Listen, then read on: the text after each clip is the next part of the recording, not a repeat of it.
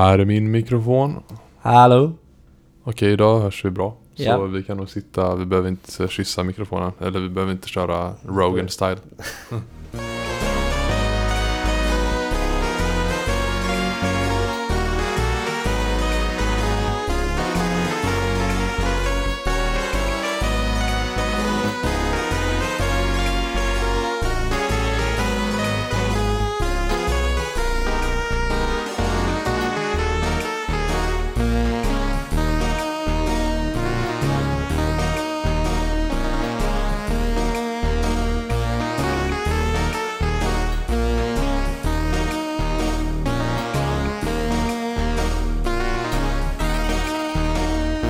Hej och välkomna till avsnitt nummer åtta är det va?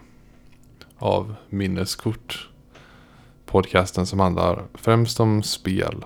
Eh, och det är nog vad vi kommer prata nästan om uteslutande idag tror jag. Ja, jag heter Dan och eh, hej Theo. Hallå? Ehm, ja, jag tänkte att vi kan fortsätta där vi slutade försnacket förra avsnittet. eh, Som en liten uppföljning för vi snackade om kommande event som skulle ske. Eh, ja, det ena utav dem var ju eh, om Super Smash Brothers Ultimate heter det va? Yes, precis. Ja, vad ska vi säga om det egentligen? Det blev inte riktigt som någon hade tänkt sig angående nya karaktärer va? Nej, det, ehm, det fanns ju eh, vissa som eh, pratat om att ja, men det, de här två karaktärerna som avslöjades då, det, de skulle avslöjas. Men väldigt många trodde att ah, ja, det, det är de två och sen några fler. Eller, eh, eller åtminstone någon mer. Eh, det slutade ju med att det bara blev eh, Ken då från Street Fighter och eh, Incineroar, en av eh, en starter Pokémon från om det nu är generation 7 tror jag. Eller 6. Jag kommer inte ens ihåg vid det här laget. Okej. Eh, det är nog 7. Är det många Pokémon med nu som man kan spela? Eh, Okej, så vi kan väl gå igenom. Du, I det här spelet så kan man spela som Pikachu, Pichu, Jigglypuff, Lucario, Charizard, Ivysaur, Squirtle, Incineroar, Mewtwo. Ehm, ja, har jag glömt någon? Kan, det kan hända. Men, Okej, så de här tre eh, Squirtle och eh, ja just det, men du sa ju det. Charizard och Ivysaur. de ingår i en karaktär. Det är Pokémon Trainer har alla de tre. Då förstår jag, för jag funderar nämligen på alla var i olika utvecklingsstadium. Ja, Men okej. Eh, så att, eh, nej, och då är det... Jag vet inte om de rent har delat upp på något sätt nu så att man kan spela med en av dem hela striden. Men, ja, i, I vilket fall så... ehm, men i slutet av eh, alltihop när alla tänkte va? Blir det bara Ken och Incineroar? Så avslöjade de Fast det kommer förstås DLC. Eh, och vi har fem karaktärer som inte är redo att avslöja riktigt än. För det kommer de portionera ut över hela året så de ska hålla hypen igång hela tiden. Eh, men de avslöjade att Piranha Plant, alltså den köttätande växten från Super Mario, kommer vara en karaktär och alltså vara kvar i sitt rör när den rör på sig. Hopp. Mm. Där ser man.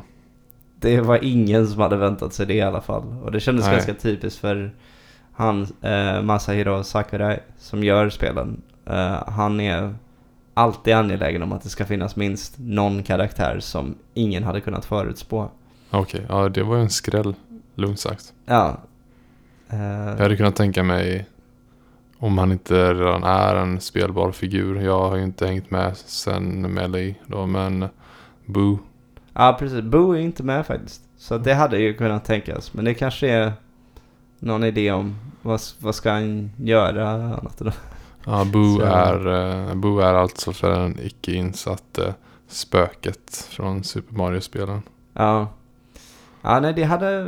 Det är säkert fler som hade kunnat tro att det skulle blivit en karaktär dock. Ja. Är, är Toad med? Nej, eh, Toad är del av eh, Peach. Eh, Toad är Ja, Peachs counter. Just det. Eh, hon du- tar fram honom. Ja, just det. Vilket, vilken ovärdig medverkan. Verkligen.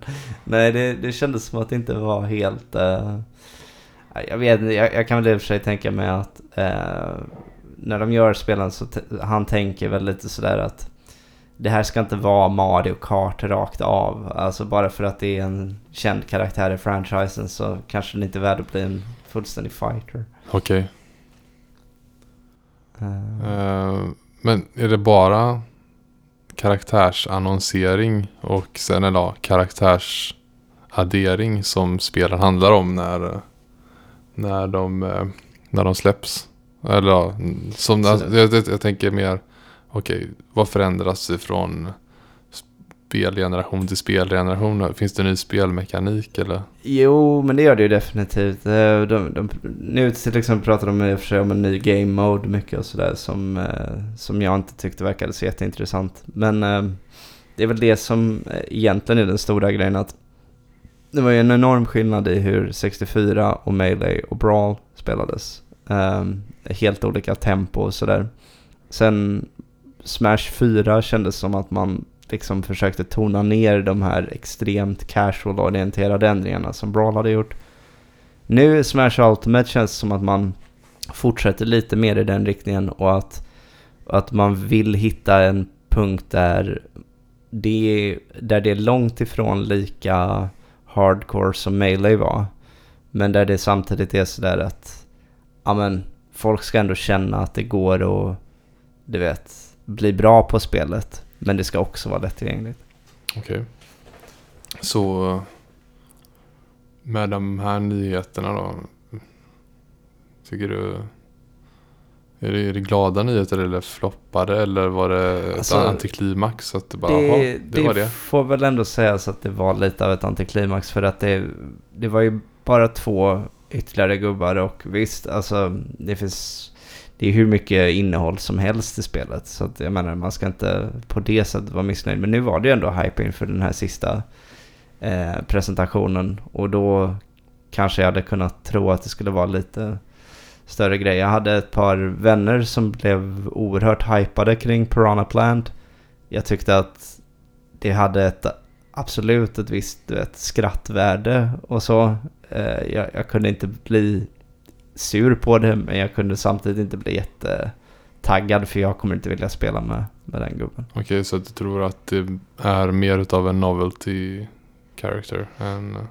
Ja, jo, alltså han ser hyfsat unik ut i hur han spelar, eh, i hur han spelas men det är bara att så här, Alltså jag menar, vi har ju ändå pratat om det där lite, eh, kanske utanför podcasten också, men det här att en del av hur man väljer en karaktär man gillar eh, är, ja men ser den lite cool ut och sådär och, och eh, har jag spelat ett spel jag gillade där den är med och sådär och, eh, och Ja, den här har väl... Den är ju nästan har varit mer utav en... Alltså genom åren. Den har ju varit med sedan första Super Mario Brothers. Ja. Men den är nästan lika mycket utav en obstacle prop som en fiende. precis. Den, den, den sitter fast i ett rör. Då är det Goombas och Koopa Troopa och gänget. Exakt, alltså det är ju en annan grej liksom att det, om, man, om man nu ändå ska, ju- just som sagt för skämtfaktorn och, och va, vad var det här liksom? Det, jag förstår varför de väljer den ändå. Men personligen så tycker jag ju att Koopa Troopa är en mycket mer ikonisk fiende som jag också tycker mycket bättre om. Jag har, jag har gillat att spela som Koopa Troopa i många av spelen. Mm. Ehm, så att, ja. Det är... eh, Däremot så, ehm, jag har ju hört i tidigare presentationer, de, de pratade om spelmekaniken mer i de tidigare presentationerna.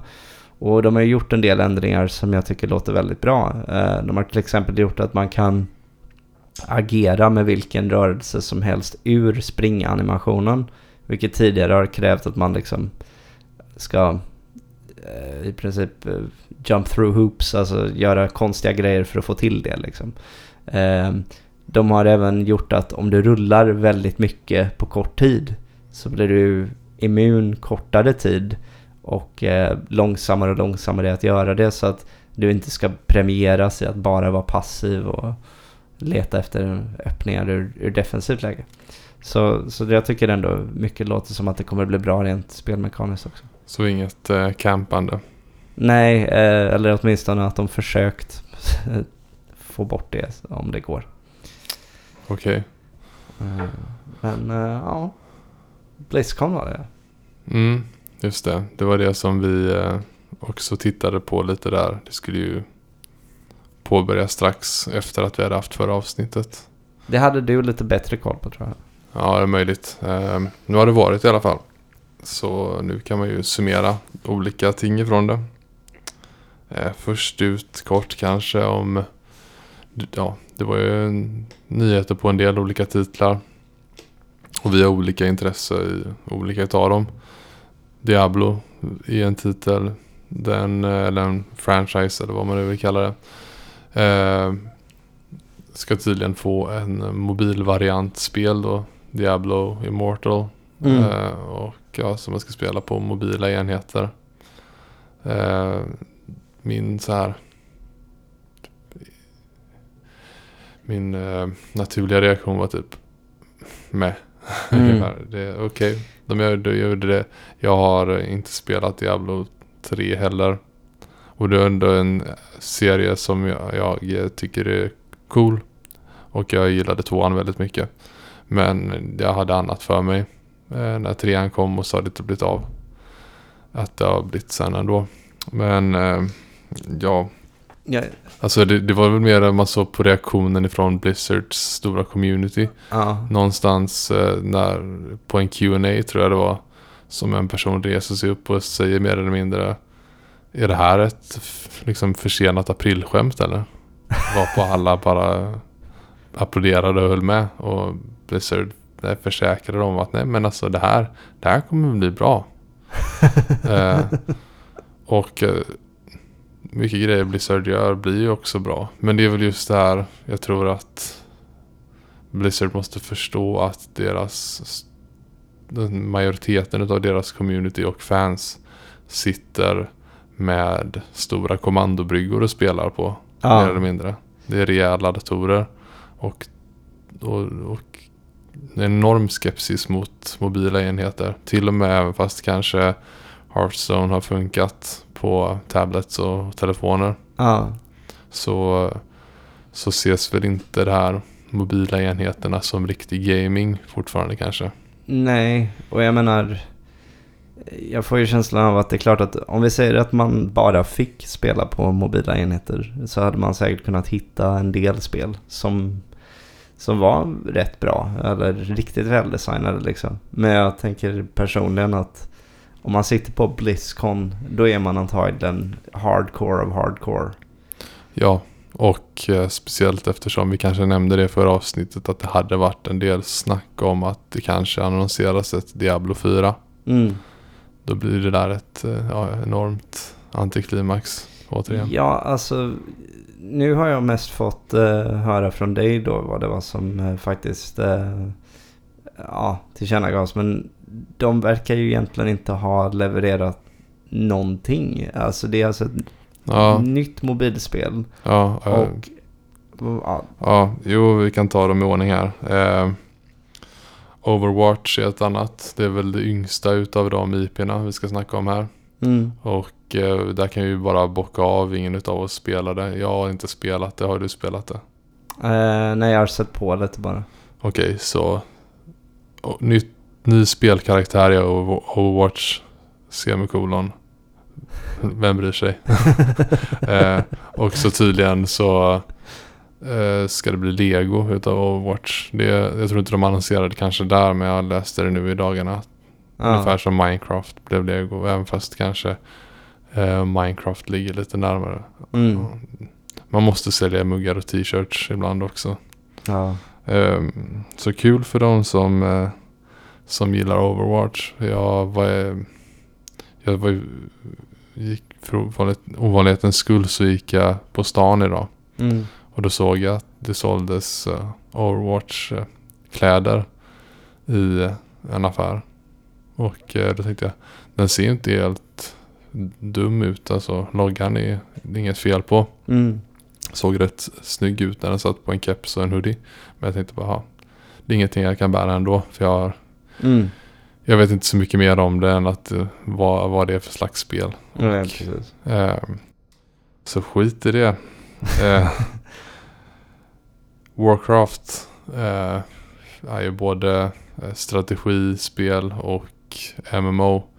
Men ja. Du hade hoppats på ett Warcraft 4 va? så här, jo, som precis. är lite, vad ska man säga, utan att ha för höga förhoppningar. Ja.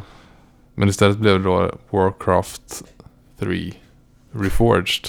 Alltså samma gamla spel som kom för 15 år sedan någonting. Ja. Eh, om inte ännu mer. Eh, ges ut igen.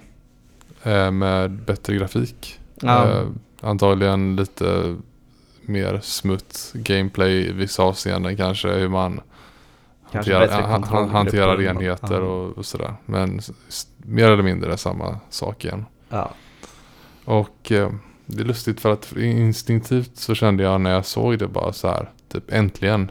För att det här har varit en grej att eh, någon har återskapat Warcraft tror jag i Starcrafts eh, motor. Jaha, okej. Någon gång bara så här coolt. Så har de känt piken eller någonting att de har gjort det. Men sen tänker man bara okej vänta lite det här var en headline på ert årliga konvent att ni eh, ni kör och ni liksom recyclar en jättegammal titel. Jo, Så eh, jag, jag tycker det påminner ganska mycket om, jag vet inte vilket år det var exakt, men jag har för mig att det var något år då Nintendo liksom, efter att ändå ha varit ganska konsekventa i att leverera någon, någon riktig nyhet om sig, Zelda eller Mario, så var det att den stora grejen var, eh, det var några år då de hade Wind Waker HD, Twilight Princess HD, Majora's Mask 3D. Så så här, aha, vem bryr sig? Alltså det här är spel, alla vi som sitter och lyssnar på det här, eh, vi har redan spelat de här spelen. mm. Ja herregisses.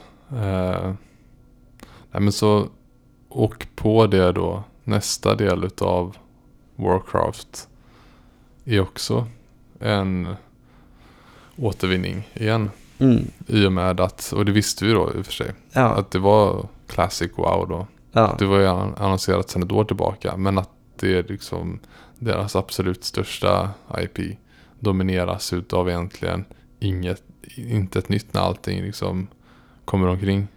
nej, utan. Det, för vi vet e- exakt vad man ser story-wise och så vidare. Allt, vad allting kommer hända och sådär. Eh, men där satt jag igenom en hel panel då. mm, För det, oavsett så det blir nog inte så att jag spelade. Men jag har spelat World of Warcraft och kanske i synnerhet den tidiga delen utav spelets era. mm, Så det är ändå på något sätt Jag tycker det är kul att följa det på något sätt från lagom avstånd. mm. Jo, men det är väl rimligt liksom. Så jag tittade eh, lite mer ingående på det då. Och det, det, det är, vad ska jag kalla det? Inte spännande men eh, det är intressant på det sättet att de går ut på direkten och säger att vi utlovar en autentisk spelupplevelse gentemot vad vi gav er för 15 år sedan. Också, också någonstans. Mhm. Ja, snart 15 år sedan. Ja, Eh, och eh, ganska tätt därpå så visar de ju också upp saker som kommer att vara annorlunda gentemot hur spelet var.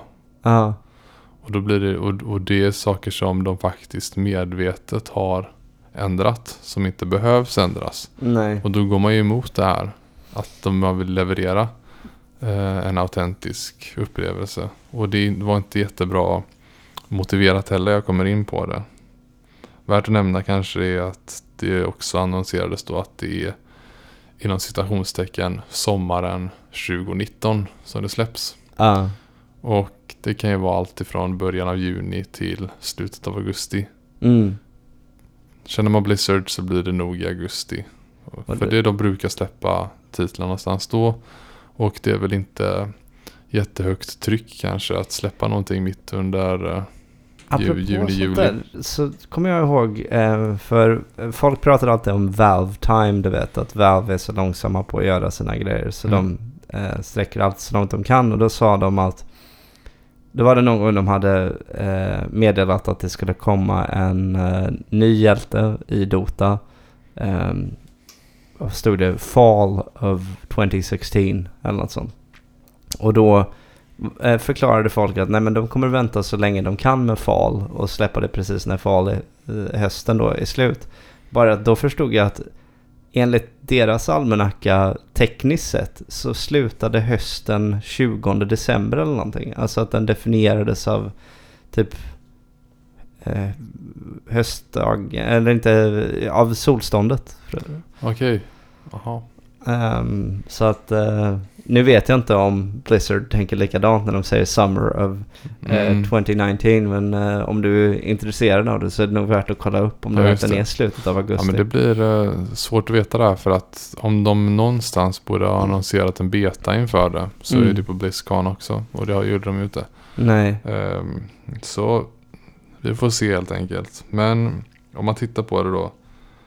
ehm, så ehm, de hade ju lite frågor de ändå besvarade för att paneln var väldigt dålig egentligen. Mm. De pratade egentligen bara om hur svårt det var att eh, eh, restaurera spelet på grund av att de hade eh, Blizzard av alla enormt dålig versionshantering. Det vill säga att de gamla versionerna av spelets källkod har givetvis byggts vidare på genom åren.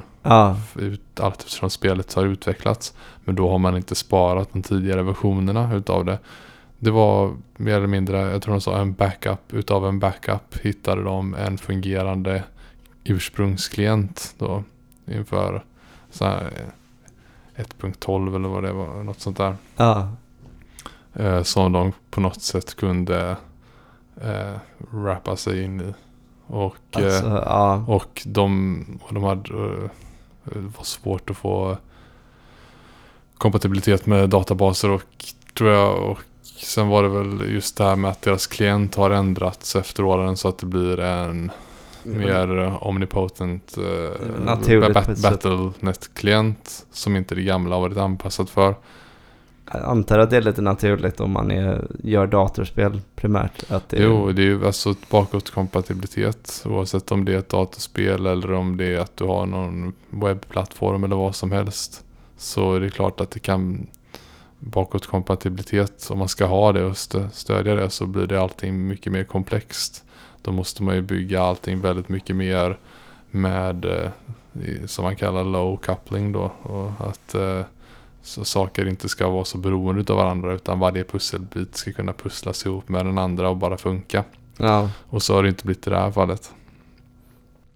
Så av vad de kunde svara på då. Och det var inte egentligen så heller eh, vad jag skulle kalla final answers. Utan det här kommer nog kanske ruckas på lite eller mycket beroende på vilken grej det är. Men man kan börja då med till exempel en grej som kallas inom communityt i alla fall sharding. Som egentligen är rent tekniskt sett lastbalansering som handlar om vid release då. Tänk Mm. dig spelet släpps och det är hundratusentals människor som vill spela det. Ja. Och så finns det x antal servers. Så det kan bli väldigt tjockt på servrarna. Ja. Och alla är i samma startområde och ska göra samma första quests. Ja. Eh, inte nog med att det blir trångt med att alla ska slåss om samma fiender och samma quest items och så vidare. Så kan det bli en enorm tyngd på servern då. Ja. Och vad de gör är att de tar servern och så, så fort de når ett visst antal på, säger vi, inom en zon. Så spinner de upp en, ide- en identisk instans utav samma zon.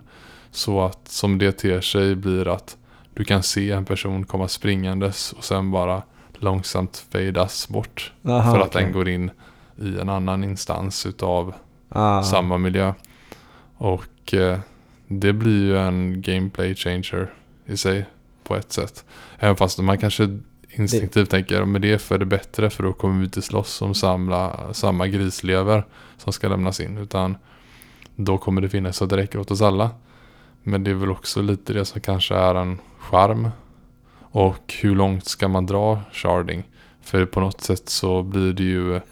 Eh, alltså hur, jag kallar det för facing för att det är vad som vad det mer är egentligen tycker jag. Mm. Men eh, jag tycker man ska undvika det så mycket som möjligt. För det här är inte en, en e-commerce upplevelse att många ska in på samma butik och handla på rea. Då Nej. vill man ju föredra att man ska eh, spinna upp många instanser utav Jo, precis. eh, men så att alla kan trycka på knapparna samtidigt. Och, Ja. och, men det här är ju ett spel. Så Ja, alltså jag vet inte. Jag har ju inte kört World of Warcraft så jag vet inte hur mycket det här eh, älskade ordet immersion är någonting folk tänker mycket på. ja, men det är viktigt alltså. Men ja, det tänker jag i det läget du beskriver där att så här, hur mycket känner jag av att jag är här nu när så här, aha, nej, han, han försvann för att ah, han var så här, Ja. spelet behövde det nu. Ja, ungefär. Ja, men det, det, jag vet inte. Det finns väl lite jättebra metaforer.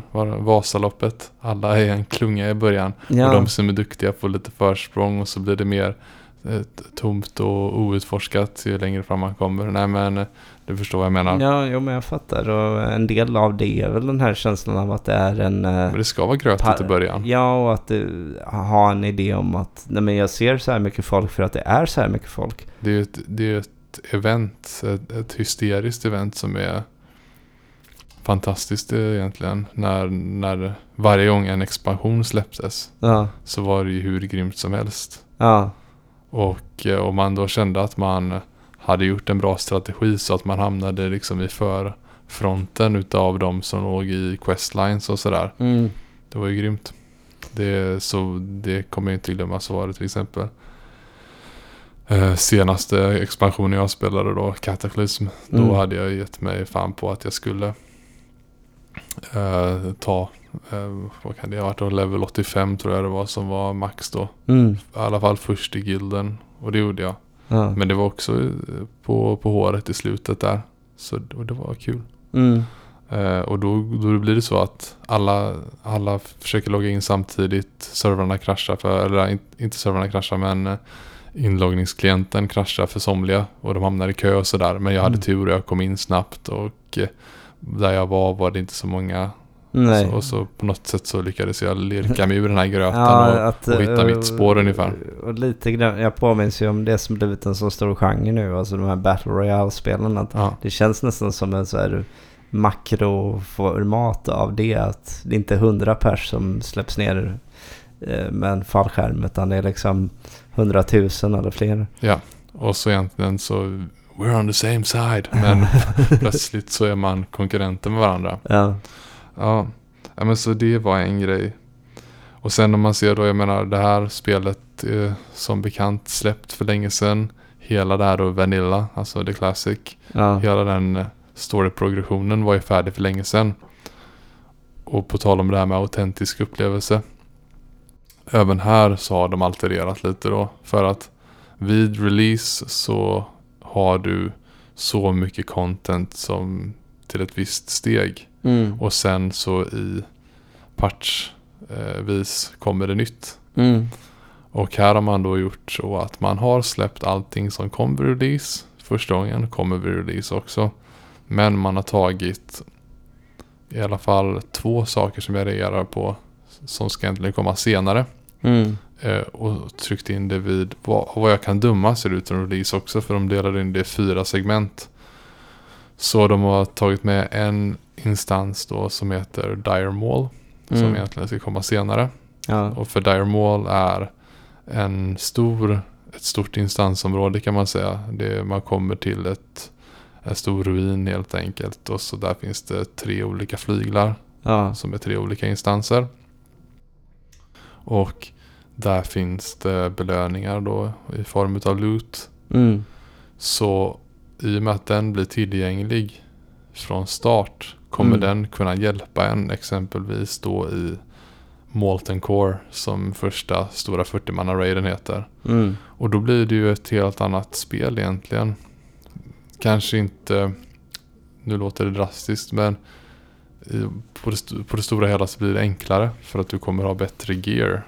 Eh, Men det är ju lite det där att eh, inte inse att det, vill man ha det som verkligen var från början då är man ju ute efter det som verkligen var från början. ja, du tar, alltså Blizzard som i du talar till eh, egentligen bara en typ av publik primärt. Det kommer finnas de som vill prova att spela spelet som inte var med då. Mm, Men de som verkligen, alltså de som har kämpat för att få igenom det här mm. vill ju verkligen ha det som det var.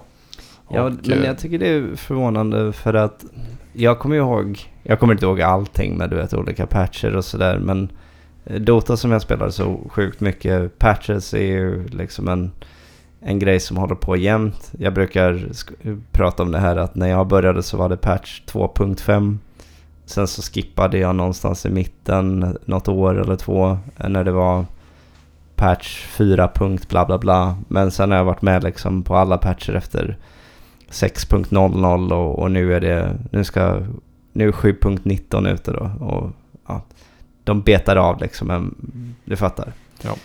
Ehm, men där blir det ju det där att det kan ju vara sjukt roligt att, att backtracka och se ehm, Ja, det var så det såg ut i den patchen. Ja, då fanns inte det föremålet. Då fanns inte den hjälten. Då såg kartan ut så här. Oj, det hade kanske varit kul att spela en match i det för att du vet, förhålla sig till de förutsättningarna. Och jag minns ju det vanliga Warcraft 3 eh, att liksom 1.01 eller vad det var av det. Då fanns det också sådana här balansgrejer som, eh, som gjorde kampanjen helt annorlunda att spela igenom. Så att om du inte går in på Battlenet eh, med en gammal CD liksom Ja, så kan du spela en helt annan kampanj i princip. För Okej. att eh, Demon Hunter till exempel. Du vet han, hans mana burn eh, gör 300 mana eh, bränner han på level 3. Vilket, och, och gör lika mycket damage med den då. Vilket är helt absurt hur bra det är. Han, den halverades senare till 150. Och han var ändå en hjälte som ofta, du vet, valdes först. Okej. Så att då får man ju någon uppfattning. Ja, okej, halvera, det var ändå okej. Mm. All right. Ja, men Så- då, eh, då, då är du med mig. Ja, det är, inte samma sak riktigt. Ja, men det är, och så förutom Dire Maul då så finns det ett fenomen som heter World Bosses.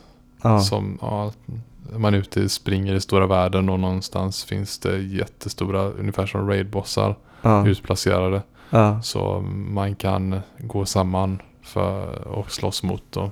Mm. Och de går och, det har varit alla möjliga grejer. Man kan kajta in dem i storstäder, vilket har hänt. Och Okej. så, så de går berserk där och så vidare.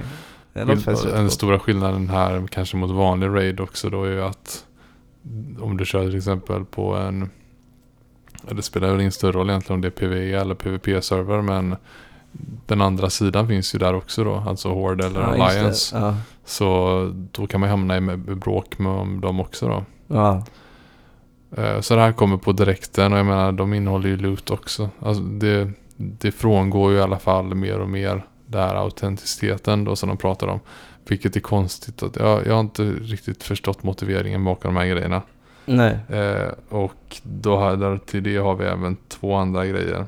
Den ena är ganska kort att ta. Det handlar om att när spelet kom så kunde en till exempel raid boss ha max åtta stycken debuff, debuffs på sig då. Och det är alltså precis som i antagligen Dota eller vad som helst att man dottar upp någonting. Att de får en Mm. curse på sig. Jo. Och där det finns åtta stycken available slots. för Okej. det.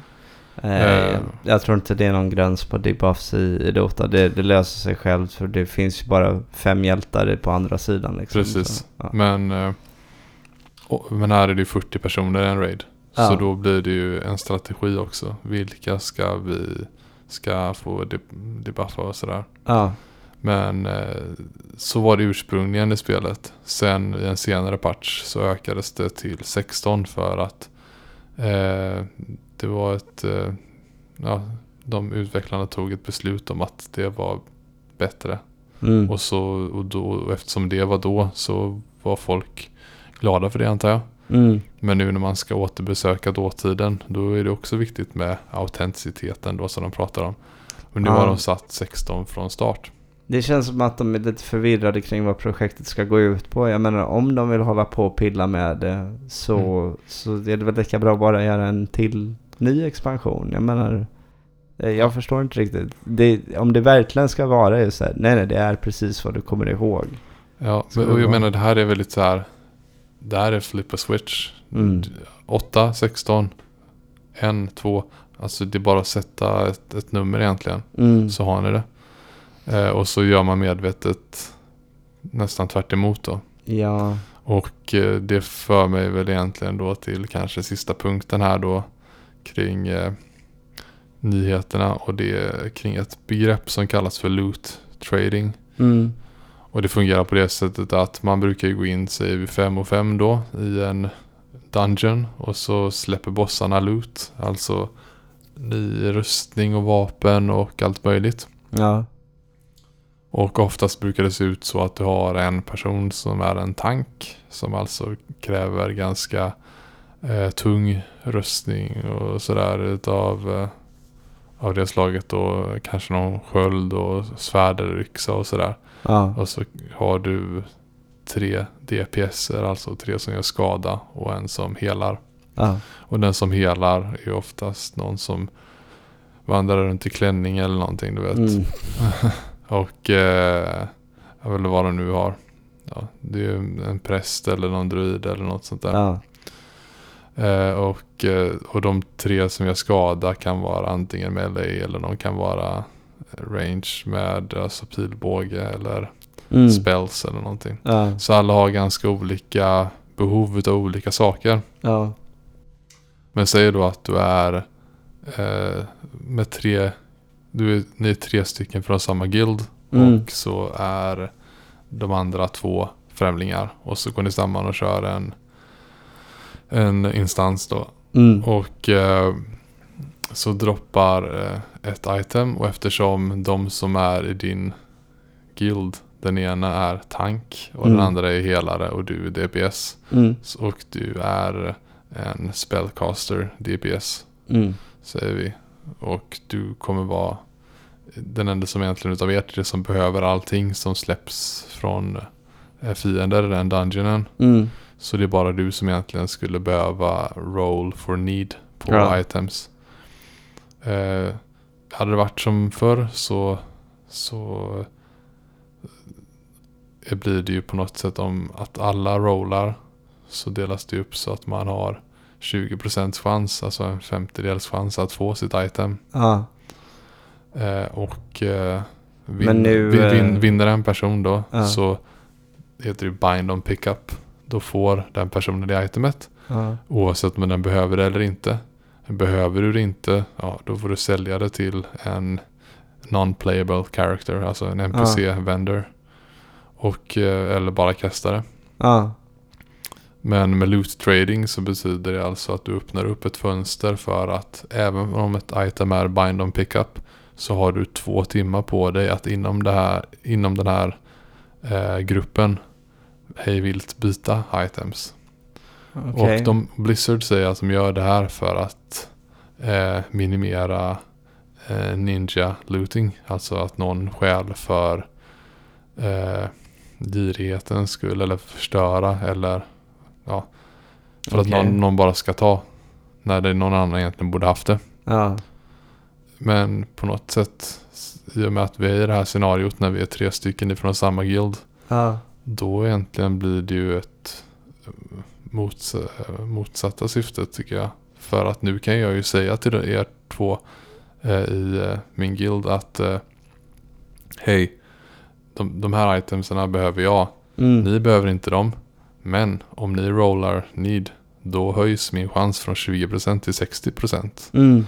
Och säger vi att det bara är en utav de andra som egentligen jag konkurrerar med om items Ja. så kommer ju den andra inte rolla för det. Nej. Och då blir det ju en 80 mot 20-procentig chans att jag får items. Ja. Så det, Jag, jag ser inte liksom alls Nej, hur det här nej, var bra. nej. Och framförallt så är det här en grej som introducerades senare i spelet. Ja, Alltså ett par expansioner bort. Och då tyckte man att det var bra.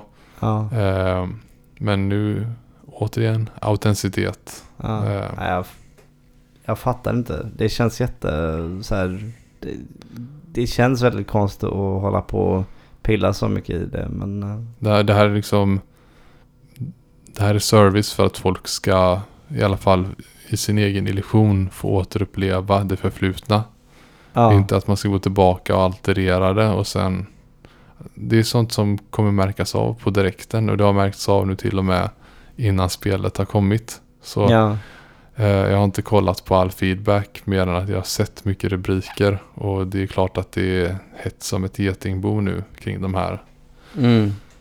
rubrikerna. Men ja, jag menar det finns ju en del av det där att eh, de gjorde ju den där Wind Waker remaken till exempel. Och där lade de in det här med att man kunde hitta ett snabb segel och sådär. Så att det gick snabbare att- segla.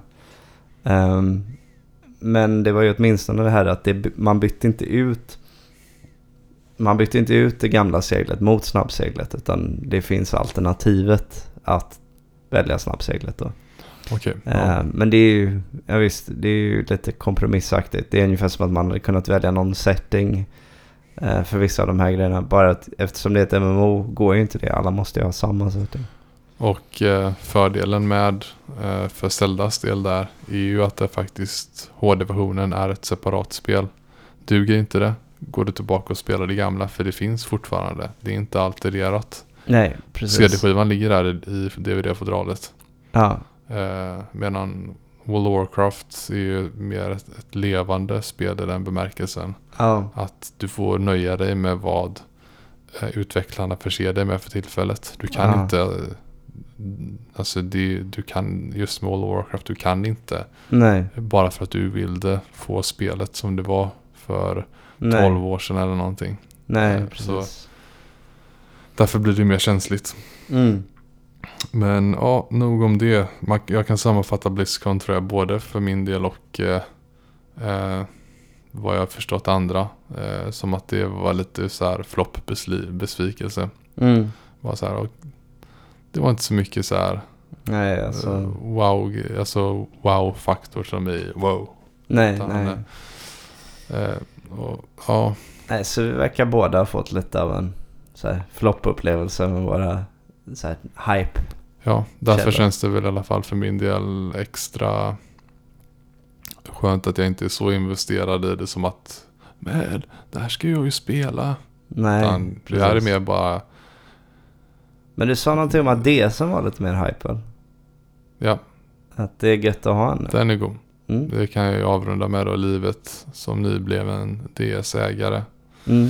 Eh, ja, men det, jag har inte i och för sig hunnit spela så mycket men det är gött att spela på den. Mm. Eh, jag är inte van vid att ha en sån här konsol där man har en liten penna till som Nej. man petar omkring med. Just, eh, jag har ju bara spelat också Diddy Kong Racing.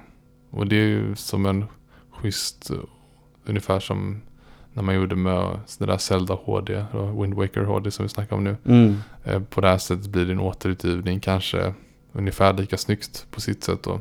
Det Mm. handlar inte så mycket om grafiken på det sättet men man får spela om ett gött spel fast eh, bärbart. Mm. Men här ska de ju på något sätt då trycka in eh, eh, det här med pennan då också. Och just det här spelet kanske inte är ett toppexempel på det i och med att det är ett racingspel. Så där pennan dyker in är att när man har klarat en, en bana, Ja. eller man klarar ju, vad är det, fyra banor och sen är det bossdags. Och efter det, då får man spela banorna igen. Fast då spelar man att... Silvermynt också va? Ja, Aha. det finns mynt hela tiden tror jag. Utan det här är mer, istället för att det är silvermynt så är det att man åker som en rail shooter på Taj eller Tai då som vi säger Mm. på svenska, elefanten i spelet, flygande matta. Aha. Och så, så är det som att den åker ja, ungefär som i Pokémon Snap eller vad man nu kallar det. Mm. Och så finns det ballonger utspridda och då ska du liksom med pennan peta på skärmen och plocka. Okej. Det är ganska För, för det är ju, första banorna var jätteenkelt men sen blir det jobbigt och framförallt för att du inte kan bestämma om du vill ha inverterad ja, scrolling om man säger så, hur du vill titta Okej. med, med kameran. Ja. Och den här går ju tvärt emot då, eh, mot hur jag är van vid. Ja, okej. Så jag tittar ju alltid åt fel håll. Och, och just det, jaga ballonger på en bana där man precis har spelat. Som, Alltså, Ja, det- det, det jag lite- kommer ihåg den grejen från DS lite att det fanns spel där det var så uppenbart att så här, spelmekaniken behöver inte pennan på något sätt. Det är inte naturligt att den kommer in men eftersom det är det så måste man hitta någon gimmick och använda den. Eh, en typisk grej var liksom det första Castlevania som kom till DS. Då var det att varje boss kunde bara besegras genom att när du fått ner dem till kritisk HP då, då dök det upp en eh, eh, någon form av sigill på skärmen. Och då skulle man rita en formation då eh, som förseglade bossen. Och för varje boss man mötte så så krävdes liksom ett extra streck i den här speciella formationen. Så det var som en liten minneslek och att man skulle göra det liksom i en svepande snygg rörelse. Och så här, visst, alltså det var inte förskräckligt eller så, men det var ändå alltid det här att jag kände, vad är poängen? Det, för, för det, det blir onaturligt, då ska jag också ta fram pennan när jag inte har hållit i den tidigare. ja, ja det är... Vissa spel använder den mycket bättre dock, alltså när det är del av hela tanken med spelet. Ja, precis. Eh, ja, men det kan säkert komma till nytta med mer pilliga spel. Kanske sådana som inte är så mycket realtid. Mm. Men jag får, detta, jag får gräva fram ehm, mitt gamla uh, Phantom Hourglass och Spirit Tracks och sånt. Det är ju, utspelar ju sig i Wind Waker-världen och Mm, så. ja... Spirit Tracks vill jag spela. Mm. Men eh, Jag gillade det lite mer tror jag faktiskt. Ja, Okej. Än Phantom Hourglass. okej. Förvånansvärt nog. Jag har aldrig varit så här jätteengagerad uh, i tåg. Men Ja, okej. Betyder Ah, att du är normal. ja, precis. Ja, Eh, men nu, nu har vi introducerat ganska länge. Det känns som det börjar bli dags för en topplista kanske. Ja, det är så dags. Jag ska nämna förresten, kom jag på från ingenstans. Eh, Jag har lyssnat på Strokes, Ah, eftersom du gillar dem. ja. Det, Jag har en eh, sån playlist med 500 helt spridda låtar som eh, jag har sparat där. Okej. Det är alltså mina mp3 då. Och mappen heter blandat och den består av bara musik jag fått skickad till mig under alla år jag har haft någon form av instant messenger på min dator. Okej. Så någon gång har någon skickat You Only Live Once till mig. Nice. Ja, det är mycket bra val. Det är ju det är en av deras bästa låtar helt klart. Okej, ja då så. Eh, Den, jag, den är... Ja. den kom på i alla fall. ja. Så jag kör den på shuffle så jag har ingen aning om vad som ska spelas. Men det är en rolig playlist. Mm, nej men det kan jag tänka mig. Men eh, nej, den låten är lite så här, man, man skulle kunna kalla den för deras så här baslinjelåt eller vad man ska säga. Du vet, ja, vill du höra ungefär hur en Strokes-låt låter så ja, man spelar den för det. Så är den Okej, typisk för dem. alright. Ja, fick jag sagt det då. Ja. Ja, så som Theo sa där innan vi pausade här så eh, är det alltså dags för våra topplistor igen. Och eh, vi är fortfarande på den första men vi har kommit in äntligen på valörerna. Alltså brons är det just nu i alla fall. Ja. Och eh, eh, ja, det här är alltså topplistan för de bästa konsolerna genom tiderna enligt mig och Theo. Allt, alltså en ytterst eh, subjektiv topplista.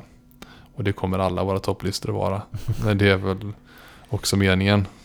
Så Ja. hittar man inte, de här listorna hittar man inte hos någon annan. Och Det Nej. är väl hela tanken.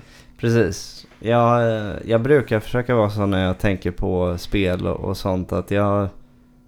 Jag vill alltid väga in ett korn av objektivitet som är att till exempel inte automatiskt välja det första spelet i en spelserie bara för att jag kommer ha de här varma nostalgikänslorna utan ändå kunna väga mina också starka subjektiva känslor från när jag var äldre. Bara det att du vet, de hade inte den här kärleks... eh, över det. För i så fall skulle många av listorna automatiskt bara falla in i att vad, vad man än spelade när man var 11 liksom. Japp. Eh, men med det sagt i alla fall. så- På eh, plats tre. Ja, bronset går till GameCube.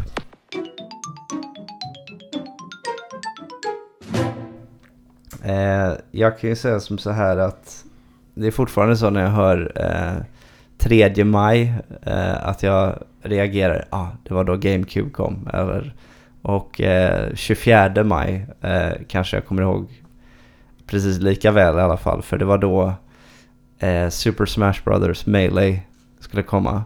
Jag köpte GameCube dagen den kom, 3 maj 2002.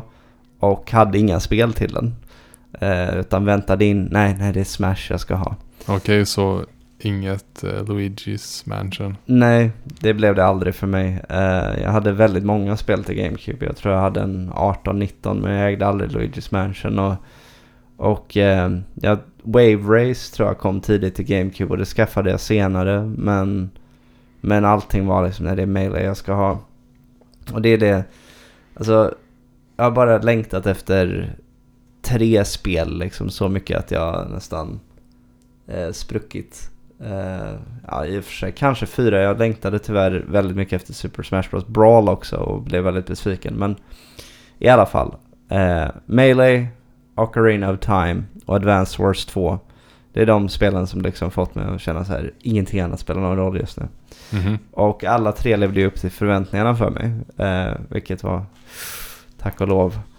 Ehm, men det som jag kan säga mer generellt, för nu blir det mycket att jag pratar om att Melee var, var GameCuben och så var det verkligen inte samtidigt. Alltså för den, det, det, jag spelade Melee senast i, eh, i lördags faktiskt. Eh, med en som var rätt bra. Men eh, det är inte bara det spelet som gör konsolen utan det är det att GameCube tycker jag många glömmer bort faktiskt ibland. För att du har å ena sidan en, en typisk nostalgifavorit för många i form av Nintendo 64. Och sen senare kommer Wii som alla hardcore-fans hatar. så att det, och under, däremellan så fanns ju en konsol som absolut eh, fortsatte mer av det här att tilltala, du vet, den, den trogna Nintendo-publiken. Med titlar som The Wind Waker, ett fantastiskt Zelda-spel. Mario Kart Double Dash som även det är lite halvbortglömt men hade en mekanik som inget av de andra spelen kört. Det här med att byta förare och, och så. Eh, Resident Evil 4, ett generationsdefinierande spel. Eh, jag, jag gillade Mario Sunshine mycket. Jag tror att jag är den enda som gillar det mer än Mario Galaxy. Eh, eller det känns så ibland i alla fall. Eh, ja, Metroid Prime, F-Zero GX. Och sen eh, faktiskt ett spel som jag eh, är väldigt under radarn. Beautiful Joe. Vet du ens vilket det är? Ja, det vet jag vilket det är. Har du, Eh, eh, har du Men jag, jag har bara sett eh, gameplay footage. Utan... Ja, det, det är ganska... Det var ganska tidigt, eller kanske inte tidigt, men det var inte så vanligt med den typen av art direction som, Mm. eh, som de hade på den tiden tycker jag. Mm. Det var fortfarande mer ett grafikrace i, i, inom 3D då. Ja, nej, det har ju som du säger en väldigt eh, ikonisk stil och den gillar jag mycket. Alltså den är, är häftig och så.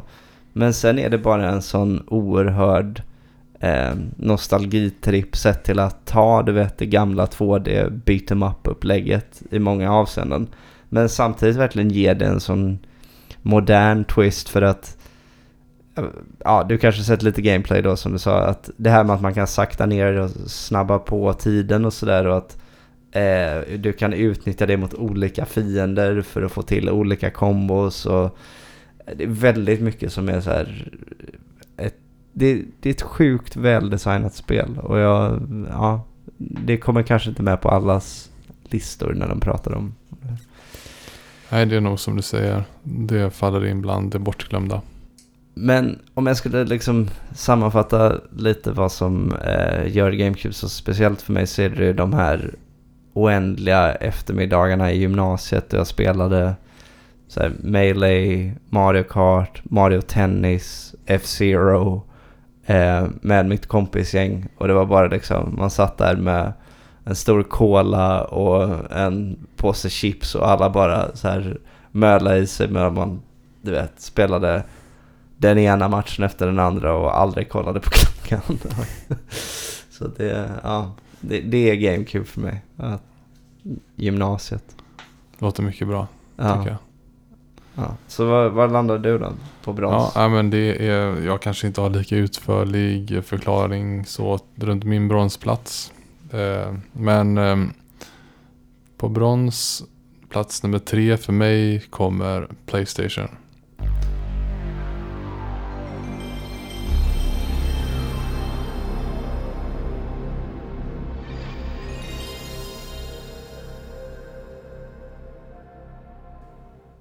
Hej! Daniel från framtiden här som sitter och redigerar. Jag vill bara säga att när jag hör det här ljudet så ryser jag av välbehag. Det kan verkligen vara det bästa som har gjorts inom ljuddesign. Och ja, tillbaka till avsnittet nu. Alltså, Playstation 1 alltså. Ja, Mm. det första Playstation. Jag nämnde ju på en tidigare plats eh, Playstation 2. Men Playstation, det första, första, första Playstationet är det som absolut kommer högst i den serien för mig. Och eh, ja, på något sätt är det nog den häftigaste konsolen som någonsin har gjorts tycker jag. Både alltså om man ser till formgivningen utav konsolen eh, grafiken för sin tid och det enorma spelutbudet av spel som fanns. Det var bara egentligen Playstation blev så snabbt ett eh, kvantitetsspelskonsol men ändå väldigt mycket kvalitet också. Ja. Så att det fanns kvalit- kvalitativa titlar som man ändå kunde få betala en del för men sen en mängd med massa helt okej spel som var så här Ah, ja. okej, kul, det här kan vi prova. Och så fanns ju det här eh, fenomenet med demoskivor som var väldigt eh, häftigt på den tiden. Det var väl bara motsvarigheten på PC som hade det- att man kunde få demoversioner utav- spel att Ja. testa på. Vilket verkligen var eh, kunde leda till vidare konsumtion definitivt utav Det skulle titlar. jag ändå säga. Jag tror att det var en det var väldigt tre, bra. fyra spel åtminstone tror jag. Mm. Som var så här, ja, de körde demon och sen skaffade man det. Ja, och eh, alltså inte minst också arvet som det har eh, lämnat efter sig sen då.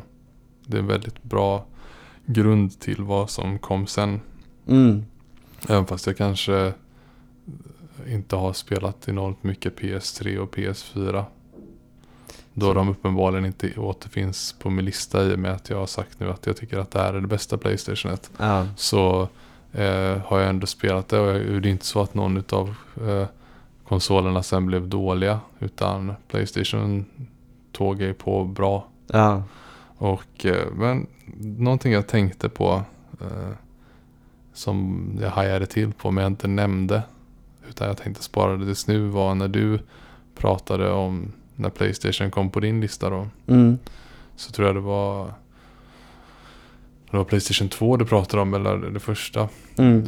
Oavsett så pratade du då om även formgivningen där på konsolen. Mm. Och den här arkitektbrodern som tyckte att Playstation 2 var det absolut snyggaste. Ja. Och där var det bara hur? Ja. Hur vågar han säga så här? det är alltså inget illa mot Playstation 2. Jag tycker också att det är en jättesnygg konsol. Mm. Men det är ju ettan som är så här wow vad snygg den är tycker jag.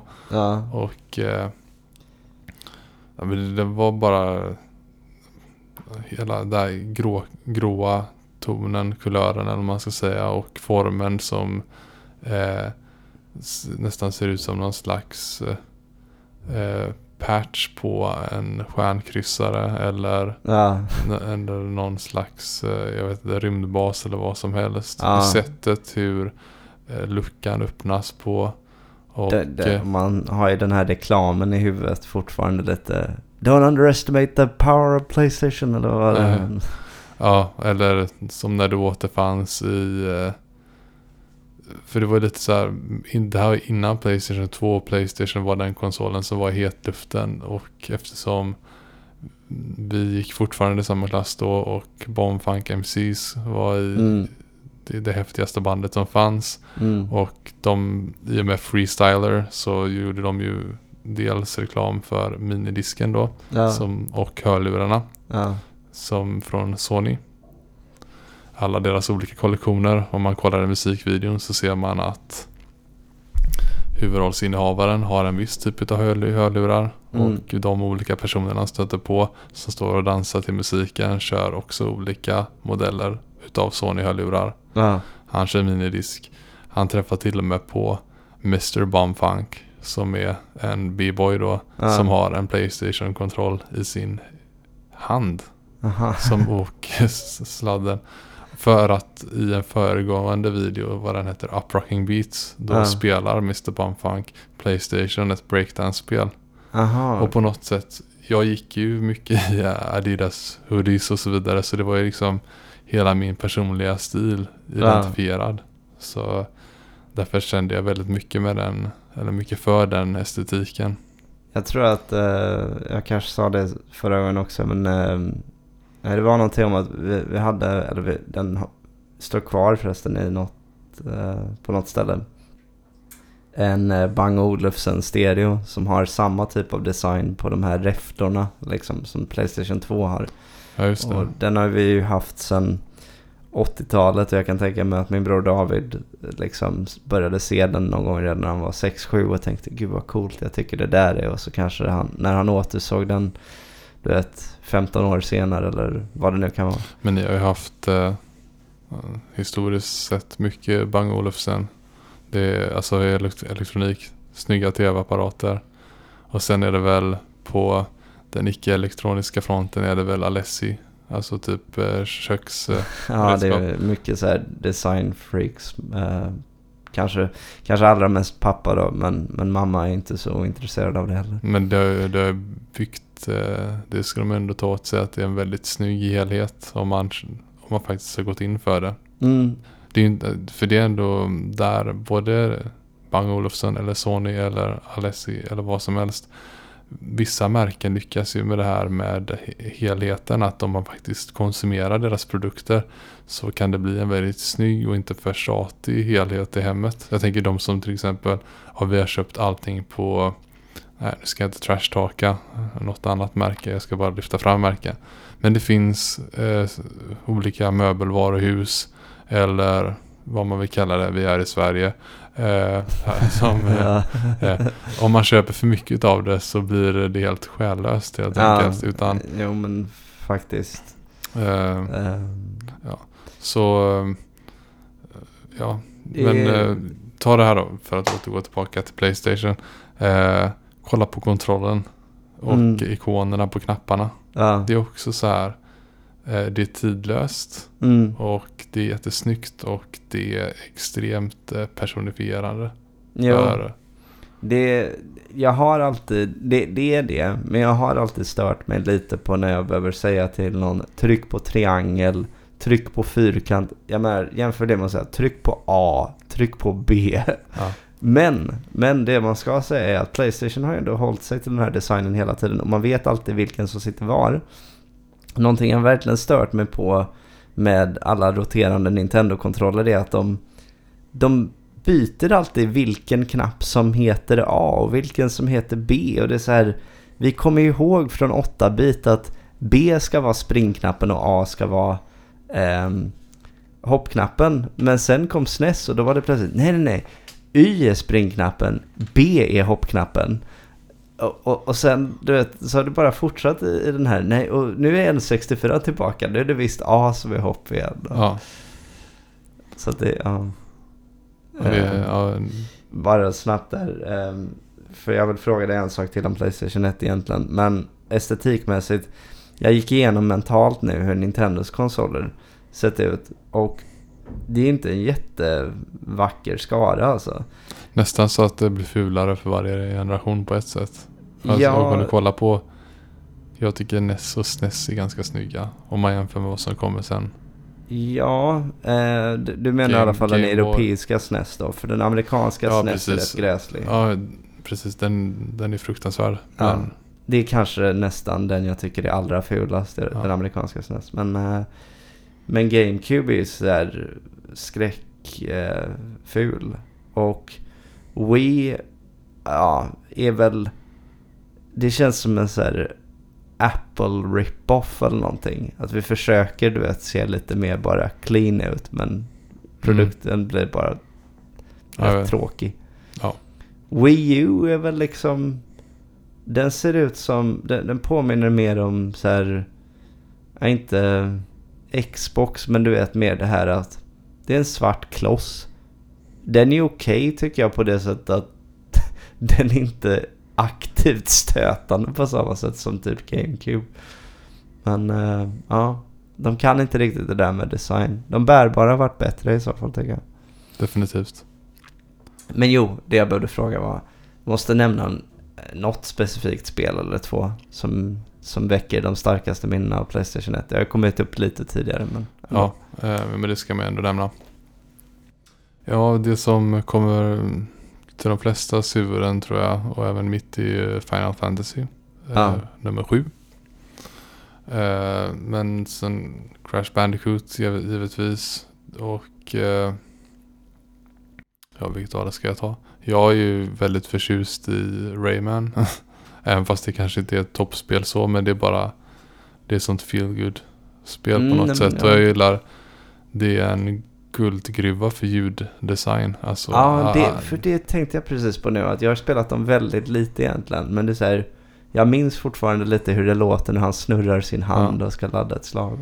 Ja, ja, men där, den ljuddesignen är klockren på det. Och hela den tecknade estetiken på grafiken är jättemysig också. Ja, Det, jag, jag, det skulle inte förvåna mig om, vad är det det spelet heter som kom, om det var i år eller förra året, eh, Cuphead.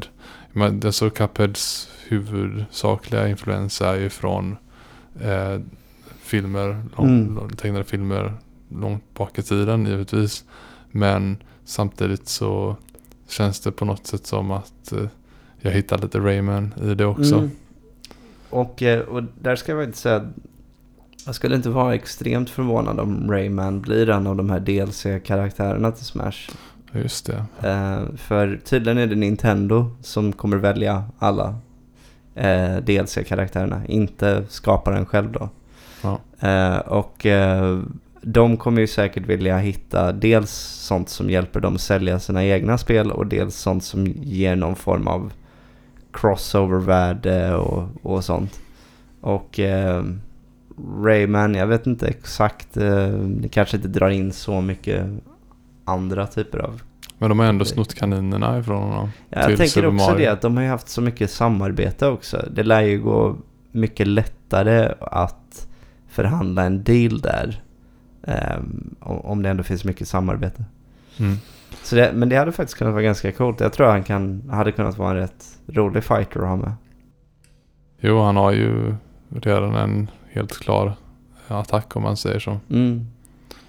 Eh, ja, men det, det är en uppsjö alltså, utav allt ifrån de här mindre kända spelen till de stora. Alltså Tekken-serien, GTA-spelen gillar jag också. Eh, de här top-down, alltså gamla GTA. Ja. Och eh, lite olika RPG-spel fanns det väl. Vandal Hearts och eh, Suikoden och eh, det var länge sedan man spelade dem så och de är inte så jättelätta att få tag på nu för tiden heller. Nej. Eh, och så som, som jag säger, udda titlar, kanske bra att ge ett exempel på det men det kan vara allt ifrån Overboard, det där Oddworld eller eh, Ja, Oddworld kom väl faktiskt med i den här ehm, PS Classic. Alltså, det här med de valen de gjorde där. Jag kan inte fatta. Vi har ett spel som kommer dyka upp senare i tidningen som inte kom med på PS Classic. Vi behöver inte nödvändigtvis säga vilket det var, men det var rena sk- skämtet känner jag att Ja. det inte kom med. Ja, nu kan jag inte nämna det spelet då. Men, eh, Du vet när, när, ja, men när den recensionen kommer så ja, definitivt. Ja. Eh, Och eh, man kan sitta och, och ramla på det ganska länge. Som jag sa där om Mm. Playstation. Det, Ja. ja, äh, men så Silvermedalj nästa gång. silvermedalj nästa gång. Vi kör fikapaus och så kommer vi tillbaka med recension.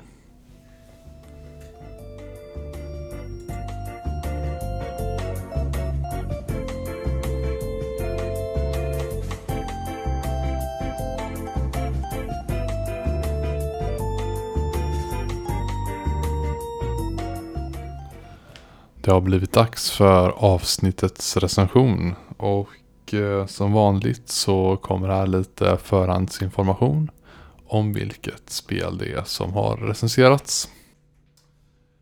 Det här spelet utkom den 1 november 1997 alternativt 27 november. Det är det första spelet i sin serie att utspela sig i en tredimensionell värld också. Utöver det så vad kan man säga? Egentligen inte så jättemycket mer. Det, är, eh, det har inte skrivits så jättemycket om det då som andra spel kanske det skrevs om. Och i efterhand så exempelvis bruk, vi brukar ju dra Metacritic scores och så vidare. Men det fanns inget sånt. Eh, så, och det hypades förvånansvärt lite innan det kom också. Så vi får nästan Vi gå kan- på recensionen på direkten och så Ja, vi kan dra ett par hints in, eh, bara precis innan vi säger. Det är en ganska ikonisk spelkaraktär däremot. Och en maskot för företaget Hudson. Eller Hudson Soft. Så ja, med det sagt när med maskoten där då blir det kanske... för mig väldigt enkelt i alla fall. Ja. Så det rör sig alltså om Bomberman 64. Eh, och eh, ja. Det är återigen du Theo som har skrivit en recension här. Ja. Så varsågod. Ja. Nu kommer bombaren in i 3D-världen och då kan man ju undra hur det ska gå. Det har Hudson lyckats rätt bra med. Det finns några rätt dåliga saker med Bomberman 64. En av de sakerna är att på lättaste nivån är Bomberman otroligt enkelt och på svåraste nivån är det otroligt svårt. Och sen att fienderna kan åka vagn men inte man själv. Men grafiken är bra och battle är roligt. Ett par plus är att man kan spela multiplayer med datorn och att man kan göra sin egen Bomberman. Lite härmat Mario är att man ska samla guldkort istället för stjärnor. Grafik 85, ungefär vad man hade väntat sig. Ljud 86, passande musik till banorna. Utmaning 90, som recensionen antyder är det för svårt och för lätt. Underhållning 88. Multiplayer är åtminstone väldigt roligt. Betyg 88. Ett steg i rätt 3D-riktning. Alright. Um, ja, eftersom vi hade Superplay som referensmaterial till våran tidning Supergamer vi skrev när vi gick i mellanstadiet så tänker jag att vi kan dra lite vad de skrev om det. Som vi brukar. Följande står. Spelet klarade inte den brutala omvandlingen från 2D till 3D. Både äventyrsläget är bedrövligt och spelets styrka, flerspelsläget, är helt förstört. På sina håll blek kopia utav Mario 64. Grafik 84.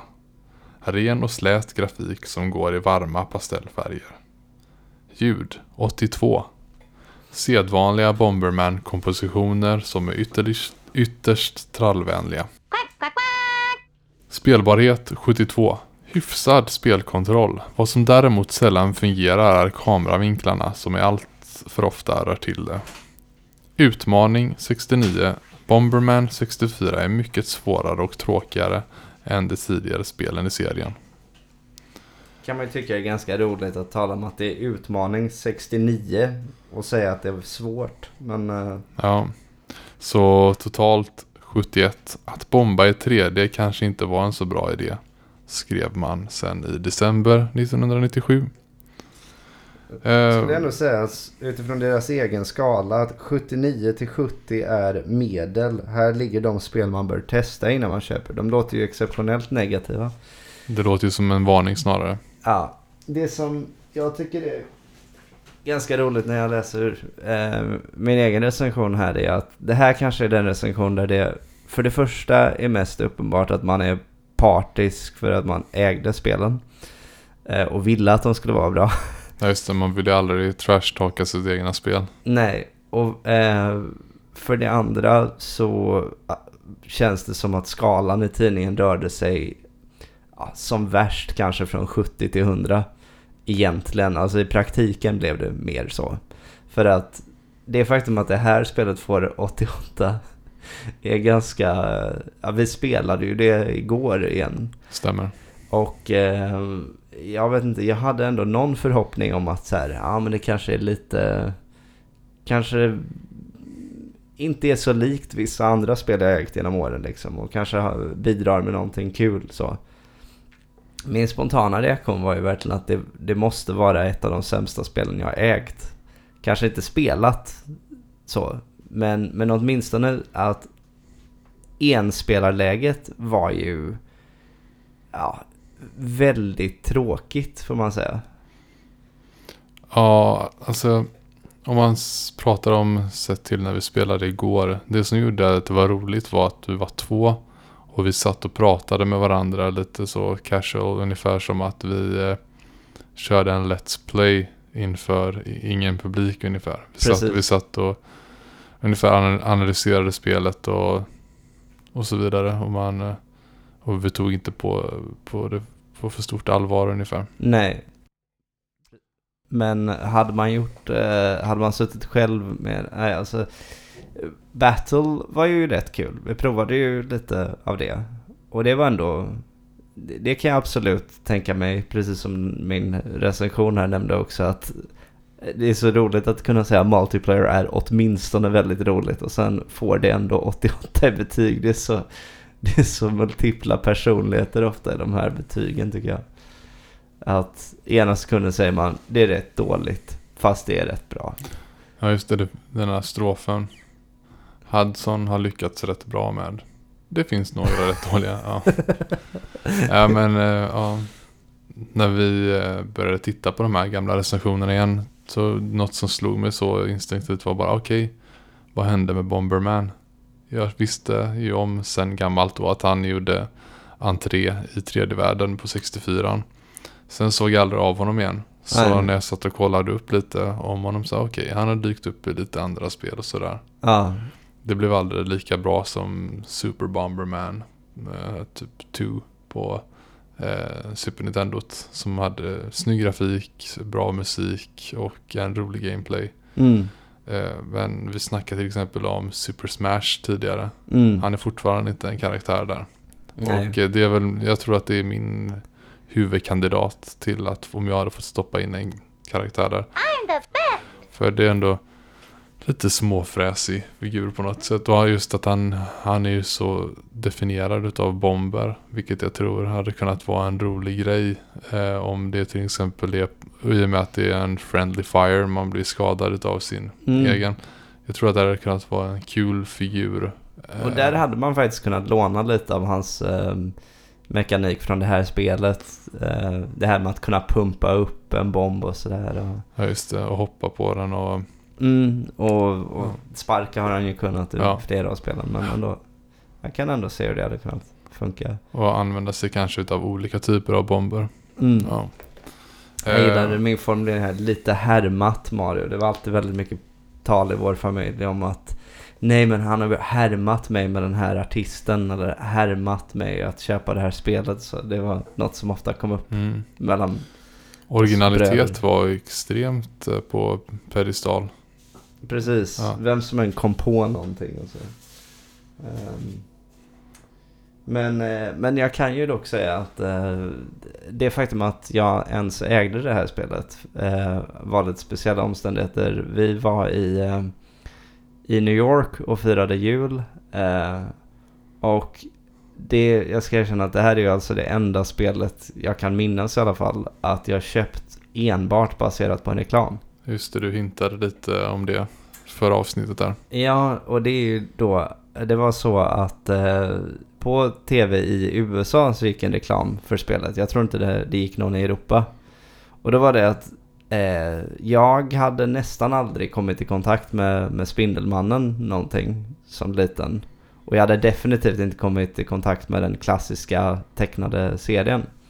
Så jag hade aldrig hört det här temat Spider-Man, Spider-Man does whatever a spider can.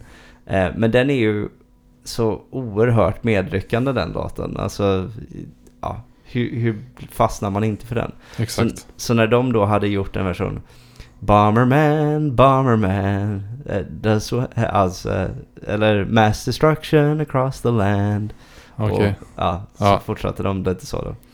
Eh, och då tyckte jag ju bara att ja, men det här är så härligt liksom med den gingen och, och så var det en så här ganska konstig reklam egentligen. Folk som så här står i vardagen och istället för att få en pizza så får de en bomb och sådär. De, Ja, ja. Den hade ju aldrig fått sändas idag.